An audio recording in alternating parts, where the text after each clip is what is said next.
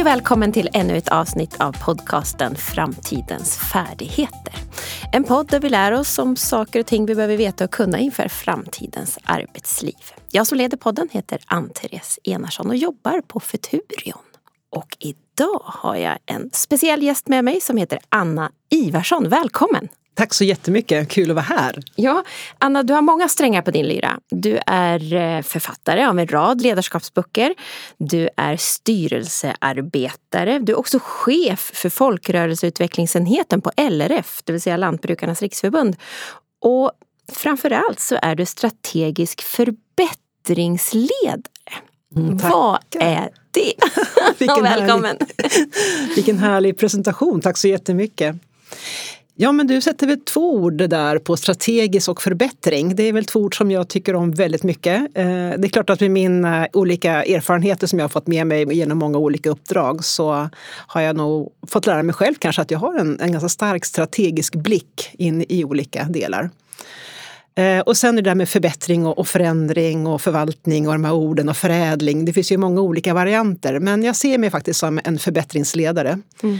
Eh, och jag tycker att det är dit man någonstans vill nå. Eh, sen måste man förstås vara tydlig i en organisation om man till exempel vill åstadkomma en förändring. Mm. Då behöver man tala om det.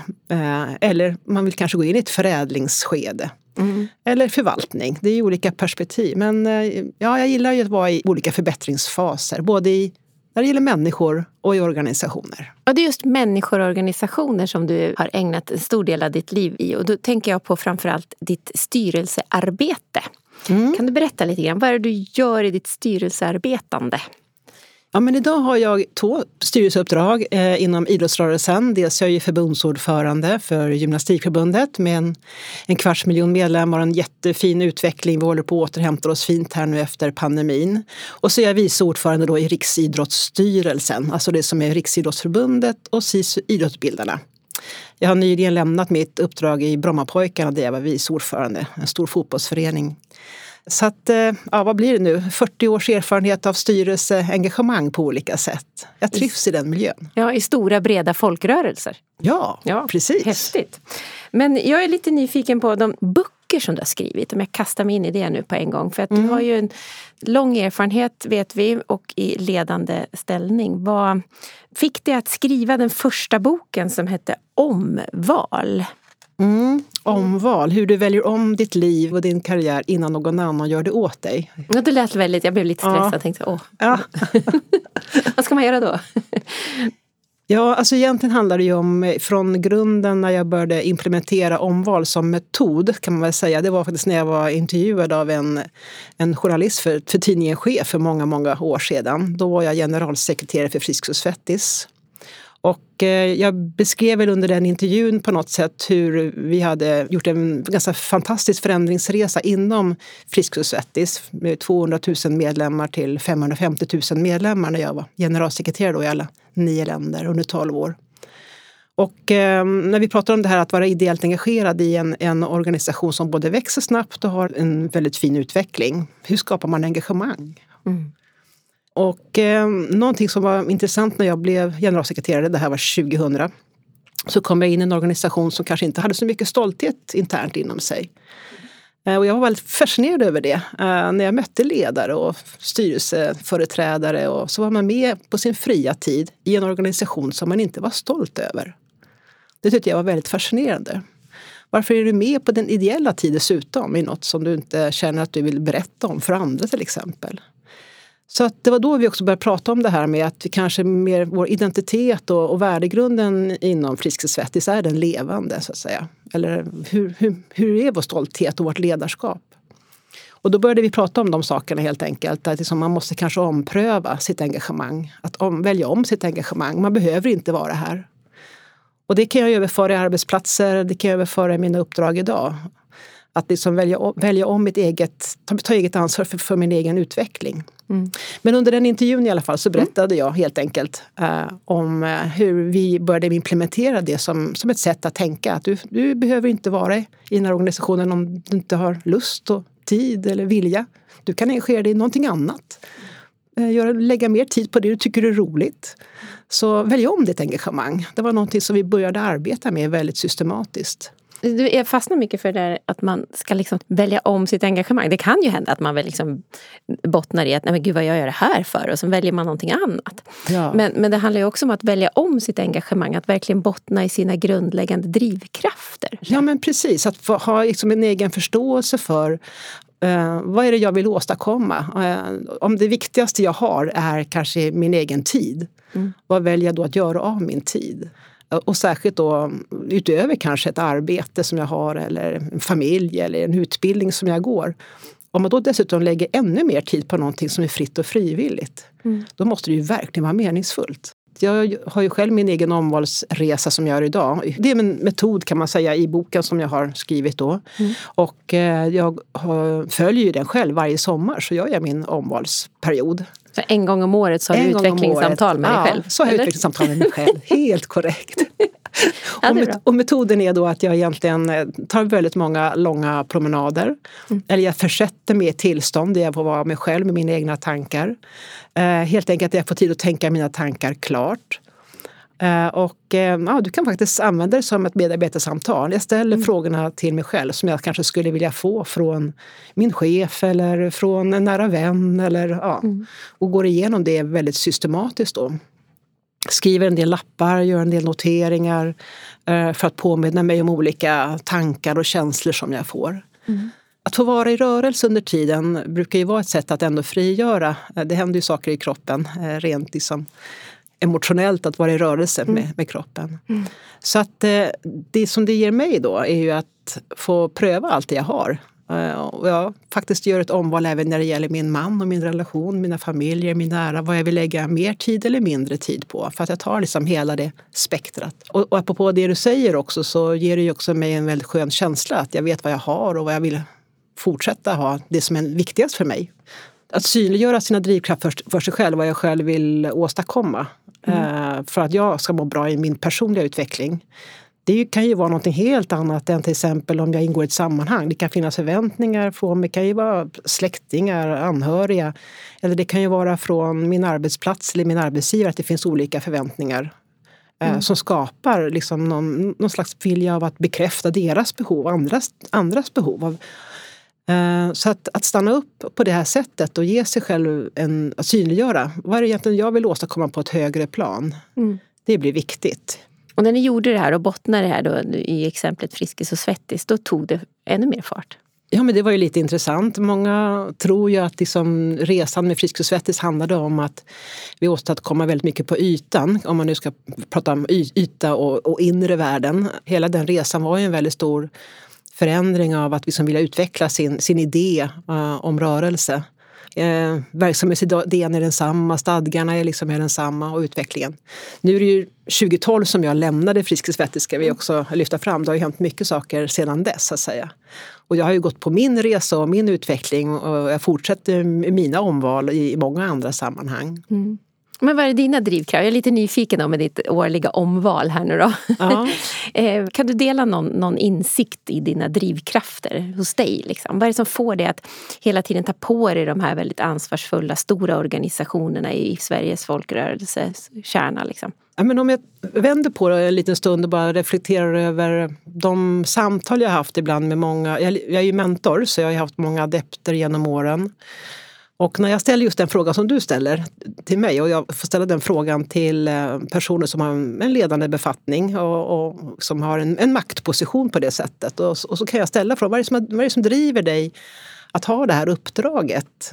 Och då kan man tänka sig att man ibland skulle vilja få ett svar som säger att jo, men jag vill verkligen uppnå den här positionen, den här rollen, jag vill ha, göra skillnad. Men allt som ofta så får jag ju snarare ett svar som handlar om att andra tyckte att jag skulle passa som det. Eh, eller att man känner, man får de här svaren att eh, man blev smickrad av att bli tillfrågad. Men när jag då ställer frågan, men någonstans så tackade du också ja till uppdraget. Det var inte bara att andra tyckte att du skulle vara. Då är det mm, ganska intressant att jag ibland får svaret att man inte är medveten om eh, varför man har en maktposition som man då kanske i den här situationen upplever både frustrerande och stressande och pressande och så vidare. Och det är väl den lärdomen som jag också på något sätt vill ta med mig i mitt eget ledarskap, att vara uppmärksam på. Alltså, desto mer makt jag har i en ledarposition, desto mer uppmärksam måste jag vara på mina egna drivkrafter. Just det. Och det var någonting jag lärde mig från förstås att leda en organisation som växte väldigt fort. Att, att det är livsfarligt att göra sig oumbärlig på en sån plats. Man kan bli fartblind. Uh, så att det, det, är en farlig resa att bli både fartblind och tro att man är nödvändig för en organisation. Min drivkraft är att göra skillnad. Mm. Uh, och det som sammanfattar mina uppdrag mm. idag. Mm. Jag tänker på mitt, mitt uppdrag inom LRF. Alltså det handlar ju om att vi ska ha svensk mat på borden. Vi ska ha en hållbar skogsproduktion och sen att vara i idrottsrörelsen. Uh, vi pratar om träning, hälsa, sport, uh, en hållbar befolkning i många avseenden. Alltså ordet meningsfullhet. Att jag vill vara i meningsfulla sammanhang. Det är ju det som driver mig idag. Om du skulle beskriva det med ett ord som ledare, hur är du då? Om jag skulle beskriva mig? Ja, eller, eller, är det någon, eller ett omdöme som ofta förekommer ja, från omdöme, dina ja, men Två ord som oftast för, vanligaste förekommande när jag får feedback det är att jag är en trygg ledare och att jag är en modig ledare. Det är väl de två vanligaste om jag ska ta utifrån vanligast förekommande. Ja, det är väl just det modet som yttrar sig i ditt mod att välja om. Ja. Eh, för det kan jag ju tycka att det, det är ju läskigt. Ja. Att man måste ju våga välja om. För jag tror att det, vi kan ju titta på olika undersökningar om många människor som vill byta jobb eller byta eh, bana eller vad som helst. Va? Men det är någonting ja. som, gör, som hindrar oss. Vi sätter upp hinder för oss själva, den här inre liksom, rädslan. Mm. Ja, du sätter verkligen ord på det. är ett av kapitlen i boken, det här med modet eh, och rädslan att börja den här resan. Att om man är nyfiken på sig själv och sin egen utveckling och ägnar mycket tid åt att vad ska jag göra med mitt liv? Alltså, vad ska jag bli när jag blir stor? Alltså de här resonemangen som jag tror att många under vissa perioder går och funderar på. Då skulle jag ju förstås rekommendera att liksom möta sig själv i ett eget omval, att välja om det jag gör idag. Mm. Men min erfarenhet är också att det som är det läskigaste och svåraste, det är ju att börja. Därför att man är rädd för vad man ska få möta. Om jag ställer frågan till mig själv, hur mår du? Ja, och, och, inte vet vad jag, svara, vad jag ska svara på den frågan. Då säger jag, men ställ frågan några gånger till. Och så får du fundera på och se om det kommer något svar så småningom. För det är då det är den här rädslan som kommer, precis som du säger. Men min erfarenhet är att om man bara börjar, då brukar nyfikenheten komma så småningom på sin egen utveckling. Mm. Eh, och då är det ju lättare att fortsätta. Men, men du tar upp det som mm. är oerhört centralt, nämligen att börja sitt eget omval. Det är mm. det svåraste. Sen brukar det gå av sig självt när man har börjat ställa frågorna till sig själv och vågar vänta på svaren man får. Nu har ju du jobbat mycket inom civilsamhället. Ehm, men kan du se några likheter eller skillnader i det här ledarskapet som, som krävs jämfört med företagande och andra slags organisationer? Mm. Ja, men jätteintressant fråga, för för mig finns det liksom inte några skillnader i ledarskap. Jag befinner mig snarare i, i krysset mellan ideella och kommersiella organisationer eller mellan krysset mellan ideellt engagemang och, och att vara en anställd medarbetare eller chef. Mm. Utan det handlar ju snarare om olika logiker och olika ändamål. Sen ledarskapet är ju ändå människor som befinner sig i en organisation oavsett om det är en, en förening eller en offentlig sektor eller ett företag. Så är vi ändå samma kött och blod. Mm. Eh, men däremot måste man som chef och ledare eller strateg förstå att det finns olika logiker. Alltså olika ändamål och olika syften. För om man inte förstår det då kan man kanske ibland sätta det ena mot det andra på ett omedvetet sätt. Mm. Det, blir som det blir fint och fult och rätt och fel. Uh, istället för att se att man är en resurs för varandra. Ja, just det. Du har ju myntat ett begrepp som har fastnat hos mig. Du kallar det för att lämna och längta. Vad innebär det? Mm. Ja, men för mig är att lämna och att längta eh, en avsevärd skillnad, så jag brukar säga. Eh, och det hänger också ihop med just eh, omval, eller att liksom pröva sitt nuläge. För att min erfarenhet är att om man går och funderar på vad, vad jag vill göra som nästa steg i mitt liv, eller min karriär, eller, eller vad det nu skulle kunna vara, så oftast så börjar man utifrån det man vet idag förstås, vad man har runt omkring sig, vad man har för trygghetsfaktorer idag. Men om man då inte har koll på vad man längtar efter så blir risken större att man är kvar i det man är i. Mm. Därför att man vill inte lämna det man har. Man och för att, kunna åstadkomma en förflyttning, om jag nu verkligen vill det, om jag nu ägnar mycket tanketid åt att fundera över vad jag vill bli sen eller snart eller nästa steg. Eh, då måste man börja fundera på vad är då min längtan? För det är först när längtan blir starkare, det är då man kommer börja ta de här stegen framåt eller in i nästa steg. Ofta så funderar man på om liksom, jag har det så bra med min anställning eller jag har en, ja, det funkar bra med min familjesituation just nu. Och, och det är viktiga faktorer. Och då kanske man ska acceptera att i, i mitt liv just nu så det, min arbetssituation är ganska bra med tanke på ja, småbarn hemma kanske. Och att jobba med sin acceptans då i det som är. Mm. Men om man ägnar mycket tid åt att verkligen, ja, men jag vill bort härifrån, bort, bort. Mm. Då måste man först se, men vad är det jag vill till? Mm. Så det handlar om att inte vilja bort från ett nuläge utan till någonting annat. Alltså mm. möta sin längtan. Mm. Just det där är ju så viktigt att lirka fram för det kan vara ganska djupt gömt och ganska trassligt att liksom bena ut på egen hand. Mm. tycker jag.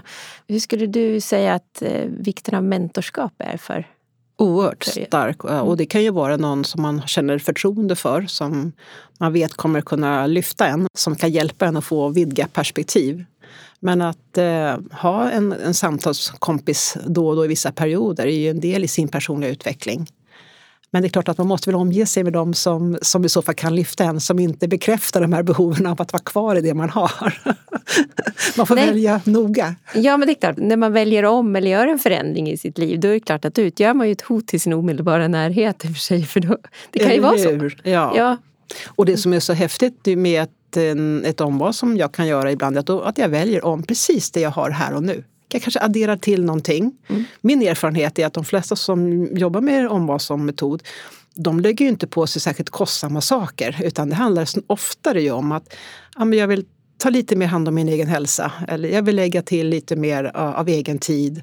i olika, Så det är inte dyra saker oftast för att ha ökat välmående. Nej, det är inte mer konsumtion, det är inte mer nej, inköp. Nej, liksom. det är min erfarenhet mm. eh, utifrån de som jag vet eh, arbetar med sin egna medvetenhet. Mm. Det är mm. snarare att ja, sköta om sig lite, själv lite mera, mm. må bra. Nej, men Omval verkar ju vara en, en, bok som vi alla behöver ha med oss för att landa rätt i oss själva och vart vi vill jobba och hur vi ska liksom vårda våra relationer framåt. Men du har också gått in på din andra bok ram och kram. Alltså jag gillar de här, att det, det rimmar. Eh, ram och kram. Kan du berätta lite om den? Vad fick dig att skriva just den då? Mm, ram och kram, mm. ledarskapets betydelse för organisationskulturen. Eh, och den har ju fokus just på att leda engagemang. Eh, ledarskapets förmåga eller oförmåga att leda engagemang. Mm. Och, och, drivkrafter i vissa sammanhang. Så ram och kram heter den, det är egentligen struktur och kultur. Och det handlar inte om att vi ska kramas ännu mer utan snarare hitta en balans mellan strukturen och kulturen i organisationen. Och vad innebär det då att arbeta fram den här organisationens interna parlör som du skriver om i boken? Ja, men interna parlören det är egentligen eh, väldigt konkret. Eh, vilka ord vi använder. Ordbruk, murbruk brukar man ju säga ibland. Eh, och det är bara ett exempel eh, av ledarskapets olika möjligheter att leda en organisationskultur. Men att vara uppmärksam på vilka ord man väljer, vilka buzzwords har man som man tar för givet i sin egen organisation men som kanske kan leda människor fel ibland eller leda tanken fel eller de man möter i sin omgivning utanför sin egen företagskultur. Vad leder det tankarna till? Mm. Har du något konkret exempel på när du har jobbat mycket med ord och mm. begrepp? Och... Absolut. Jag jobbar med det ganska mycket just nu i, i LRF där jag är chef eh, inom folkrörelseutvecklingsenheten. Då. Där vi då, eh, LRF är ju en företagar och intresseorganisation men har ett folkrörelsebaserat arbetssätt. Och då behöver man ha liksom respekt och förståelse för både en, en stark företagarkultur, en, en stark påverkansorganisation inom gröna näringslivet eh, och samtidigt så eh, ha ett folkrörelsebaserat arbetssätt. Eh, och då blir det viktigt också med vilka ord man använder i olika sammanhang, så att säga, när man jobbar med de ideellt engagerade med 11 300 personer som har ett förtroendeuppdrag. Eller med de medarbetare som då är anställda av företagarorganisationen. Så att förstå de olika logikerna av ord. Ett annat exempel jag kan ta det är ju när jag var just eh, generalsekreterare Friskis Svettis och när vi då växte så oerhört snabbt. Det blev väldigt attraktivt att engagera sig i ett ideellt uppdrag. Personer från näringslivet ville liksom addera sig till som det starka varumärket Friskis Svettis. Och Friskis Svettis är en ideell organisation eller en hybridorganisation. Eh, men om man då använder näringslivska väldigt starkt i en organisation då, då sker en krock så att säga. Mm. Och det är väl den krocken jag även jobbar med, kanske i LRF idag men även inom idrottsrörelsen förstås. Det finns många kommersiella drivkrafter inom sporten i allmänhet. Men att vara nogsam med när det handlar om det ideella engagemanget så att man får ihop organisationen. Ram och kram kan jag förstå vikten att bygga rätt organisation och, och kryssa mellan rätt ord som sätter handling. Men när det gäller din tredje bok då, hur var ursprunget till den och hur kom du fram till att den behöver skrivas? Ja, men den heter ju Plikt eller passion, finn en grej. Mm. Eh, och det handlar också återigen om drivkrafter då. Eh, om det är plikten som driver dig eller om det är din passion som driver dig. Eh, och eh, där, i den boken så kopplar jag också ganska mycket till eh, eh, rent fysiologiskt, eftersom jag också är legitimerad sjukgymnast, tycker det är intressant med hjärnan och hjärnans utveckling. Mm. så att jag kopplar också till vad som händer när man är i, i, i pliktbeteende och i passionsbeteende. Liksom och kopplar det till som rent fysiologiskt. Mm. Um, ja, men summa summarum, om jag ska avslöja det då, det är väl att det kanske behövs både och. att det ibland, vi har ju olika, man pratar om att pliktgenerationen uh, och passionsgenerationen och man pratar också återigen om engagemang. Uh, uh, den generationen som formade hela folkrörelse-Sverige mm. är kanske mer av en plikt och lojalitetsgeneration som man pratar om. Medan man nu drivs av passionen, alltså att göra nytta här och nu, det mer korta, kortsiktiga engagemanget. Men att också få ihop att alla generationer också kanske behövs i en organisation för att den ska bli rik. Just det. Men hur möter man liksom den här bäraren över tid av det här engagemang som Sverige då? hur, hur tar man hand om alla passionerade människor i en sån rörelse? Ja men åh, vilken intressant fråga. Vad tror du själv? Eller vad ja, tänker du precis. själv? Ja, jag vet inte. Jag såg bara att den är, det är den här krocken. Liksom. Men samtidigt att den här, den här passionen stärks och möjliggörs ju också av den digitala kommunikationen. Då vi kan skapa ett uppblossande engagemang inom frågeställning ganska snabbt via sociala medier. Mm. Eh, och samtidigt kan det falla ganska snabbt också tillbaks. Mm. Eh, så jag, jag, jag, vet inte riktigt hur, den här, hur de här två generationerna eller två liksom olika drivkrafterna på något sätt ska kunna kitta ihop.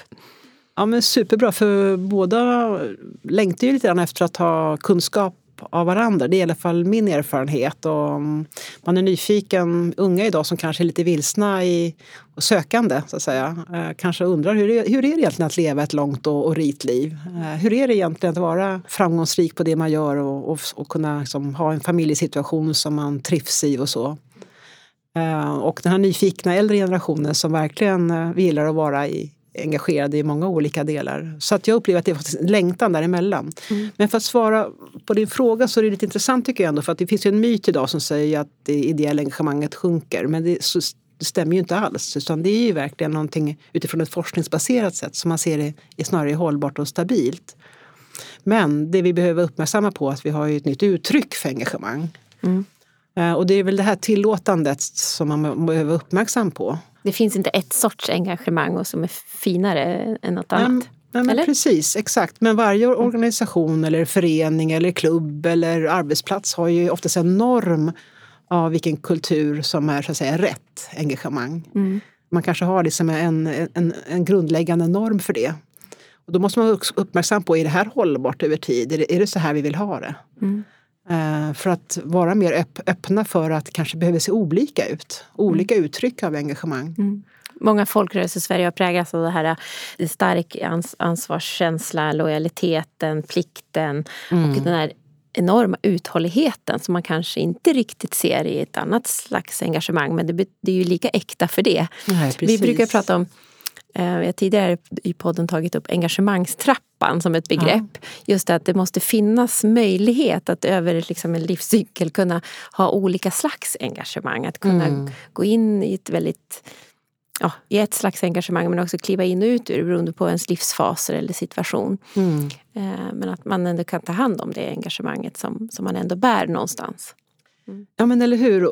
Och i min bok har jag en engagemangscirkel. Jaha, du ser en eller cirkel. Ja men det är jättehärligt att du beskriver det. Och det är precis, mm. för nu får vi ihop det engagemangscirkeln med att man går, liksom går in i, väldigt passionerat kanske i, i någonting. Man vill åstadkomma en förändring eller man vill reda upp någonting som mm. man är engagerad i eller mm. stötta en, en bra grej. Mm. Men att själv vara uppmärksam på att nej, men nu kanske jag behöver pausa lite och dra mig lite längre ut i den här engagemangscirkeln som jag pratar om. Och då får du ihop det där med omval också. Det är bara ja, du själv liksom som kan mm. se till att göra det här. För att du kan ju, nästan eh, bränna ut det om du vill det. Det finns, kan ju vara oändligt ett uppdrag du har. Mm. Eh, men att ändå vara uppmärksam på din egen liksom, vilja. För det handlar ju som du säger att också när man har åstadkommit att våga välja om då att kanske åka längre ut i cirkeln för att också släppa fram nya. Man kan ju Precis. bli så otroligt dominerande. Ja, nu får vi ihop det. Precis så. Exakt så. och att det kan ske på ett annat sätt mm. när man släpper fram andra. Att släppa fram andra då, och att det är okej okay att det får ske på ett annat sätt. Mm. Vi uppnår samma mål men det sker på ditt sätt och inte mitt sätt. Och det är okej. Okay. Precis. Vi såg faktiskt eh, under pandemin ett ökat engagemang i civilsamhället generellt eftersom vi kallar spaningen från, eh, från sovstad till småstad. För då var det mycket att många kunde jobba hemifrån och ja, mm. vi, det var ju tvingade till under pandemin stora delar av av arbetskraften i alla fall. Och då såg man hur liksom ett intresse fanns för det fanns tid och möjlighet för man tjänade in tiden då istället för att i, i pendlingen kunde man då eh, engagera sig i fotbollslaget och tränare eller liksom trädgårdsodling. Det var alla möjligheter. Det spelade egentligen ingen roll men det fanns liksom det här att möjligheten att släppa fram ett ökat engagemang ändå. Mm. Det tyckte vi var väldigt intressant att det mm. Vi är liksom folkrörelsemänniskor. Vi gillar att liksom tillhöra någonting, att jobba för någonting. Mm. Mm. så det, bara vi ges möjlighet till det, att också ta emot det engagemanget när det kommer. Mm. Tillföra och tillhöra. Att få möjligheten att tillföra. För då känner jag att jag också känner en tillhörighet. Mm. Så att det är två olika perspektiv. Har ni funderat kring det här med de digitala folkrörelserna och hur ni ska liksom nå kunna använda er av det, liksom det digitala engagemanget som ändå finns eh, mycket. Mm. Inom idrottsrörelsen mm. så är det ju väldigt högt på agendan. Eh, vi har väldigt många spännande diskussioner. Det är på riksidrottsmötet också ställningstagande till en digital offensiv utveckling kopplat till verksamhetsinriktningen som som går framåt. Och eh, det är klart att eh, det är mycket ett lärande eh, från pandemin förstås som vi vill ta med oss mm. in i den fortsatta utvecklingen. Men det är klart att en faktor som jag tror vi alla behöver vara uppmärksamma på om man tittar på befolkningsstrukturen. Så den generation idag som blir föräldrar det är den första generationen som är föräldrar som är uppväxta i den digitala livsmiljön. Mm. Och då måste man fundera över den första föräldragenerationen då, som är infödda och födda, uppväxta i en digital livsmiljö. Vad gör det med deras beteende när deras barn då så småningom, om man får barn, så kommer att liksom söka sig till olika aktiviteter, engagemang som utgår från en digital livsmiljö. Så det är också en, någonting vi måste, måste liksom förhålla oss till. Eh, och det gäller ju alla organisationer. Mm. Vad gör det med oss människor när vi utgår från det? Men ni har inte sett ett vikande engagemang inom Riksidrottsstyrelsen då, i ditt jobb där? Har ni funderat på det? Absolut, det är många idrottsföreträdare idag som är oroliga över att under pandemin var det ju många som eh, tränare och ledare, aktivitetsledare som upphörde med sitt engagemang. Eh, domare och så vidare. Och eh, som man kanske nog inte får tillbaka som ledare och tränare och förebilder på olika sätt. Eh, vi vet också att det är många unga, eh, unga yngre eh, tonåringar som kanske har haft en elitförberedande verksamhet som inte fick vara i det sammanhanget på samma sätt som också har slutat med sin sport helt enkelt. Som också skulle kunna vara möjligt att bli ledare förstås eller, eller fortsätta med sin utveckling. Så att det, är, det är en stor brist eh, som vi ser, ett, ett stort problem. Men så nu genomförs en mängd insatser liksom för att attrahera och locka tillbaka till olika uppdrag. Och då vet vi ju att vi också behöver skapa kanske förutsättningar att blir lite enklare eh, uppdrag. Att det inte ska vara alltid lika mycket plikt, kanske alltid lika mycket lojalitet i antal timmar. Så vi behöver ju också titta på det här att, att öppna upp olika former för att vara engagerad. Men eh, det här är ju en konsekvens av pandemin som vi har sett. Allt för många som lämnade sina olika uppdrag. Och en del gjorde ett omval kanske och nu gör, gör andra saker förhoppningsvis och trivs i det. Eh, men vi vet också att föreningslivet är ju väldigt viktigt för att uppleva en gemenskap och en glädje. Eh, det ökar välbefinnandet att vara engagerad i en förening. Så det är klart att vi hoppas på att, att många ska vilja komma tillbaka eller att eh, kanske komma som nya ledare mm. och tränare. Något som vi har sett i andra undersökningar har ju varit vikten av att när man är som ung och ny i en förening mm. också får en tydlig roll och ett, ett uppdrag ganska tidigt mm. för att stanna kvar, för att känna att man kan bidra eh, än att man får sitta och kanske vänta väldigt länge. Nu pratar jag kanske om alldeles särskilda organisationer som håller väldigt länge på att man ska, det är senioriteten och antal år eh, som, som ger dig eh, uppdragen.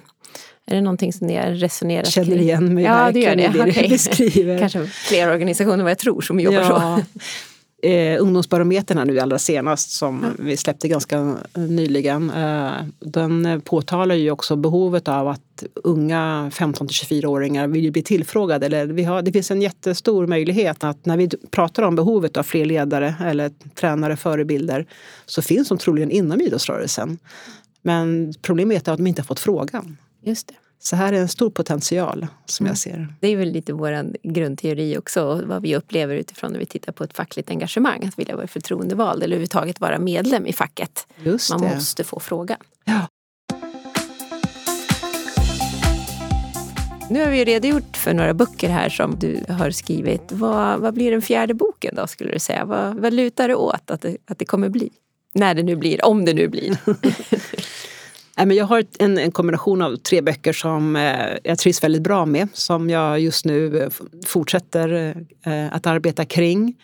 Och det är klart att den som är kopplad till omval så finns det ju en diskussion framåt om man ska göra en, en uppdatering och en revidering av den framåt med lite nya perspektiv. Det finns efterfrågan just på, men när det inte funkar som jag hade tänkt då, eller när jag fastnar och så.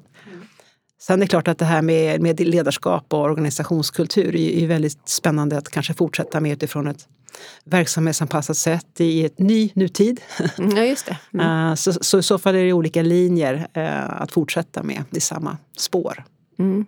Jag ser fram emot rubriken då, vad, liksom vad titeln ska bli på den boken. Du måste ju fortsätta Du får hjälpa samma... mig. Jag kommer tillbaka till dig så får du hjälpa mig. Ram och kram och ja. passion och plikt. Jag gillar liksom eh, ditt sätt att eh, döpa dina böcker. Men om vi blickar lite framåt nu då utifrån dina erfarenheter från civilsamhället, engagemang, organisering. Vad kommer bli ännu viktigare att rusta sig med då framåt när det gäller till exempel en framtida färdighet som du ser hos organisationer men såväl hos en individ? Eh, ja, direkt när du ställer frågan så får jag upp eh, mina två F som jag arbetar utifrån. Och det ena handlar om eh, framförhållning och det andra handlar om förutsebarhet. Alltså så mycket framförhållning som du kan mm. eftersom det finns så mycket som är ovisst. Så att jobba med, liksom den, med den framförhållning du har i, i tid, också av respekt liksom, för andra människors tid. Mm. Men också en förutsebarhet utifrån att ja, skapa dig den kunskap som ni, man kan ta in för att kunna navigera en ganska komplex värld, orolig tid, saker som vi inte kan styra. Men att försöka få ett övertag av just framförhållning. Alltså vara ute i god tid med det du kan planera. Årshjul till exempel. Alltså det som kommer nästa år, 2024. Vad har vi framför oss? Vad gör vi för spaningar? Att ha den agendan hela tiden. Nyfikenheten i de frågorna. Och sen förutsebarheten då helt enkelt utifrån att liksom jobba återigen liksom med, med kunskap och fakta och att inte gå in i i tyckande kring olika saker. Tyckanden i olika skeenden. Um, och då kan man, jag brukar också ha ett ord för mig själv som att, att sätta scenen. Jag som ledare behöver alltid sätta scenen. Till exempel om jag samlar min styrelse eller samlar min personalgrupp och vi ska jobba med väldigt svåra frågor Eh, ska fatta viktigt svåra beslut eller göra vägval.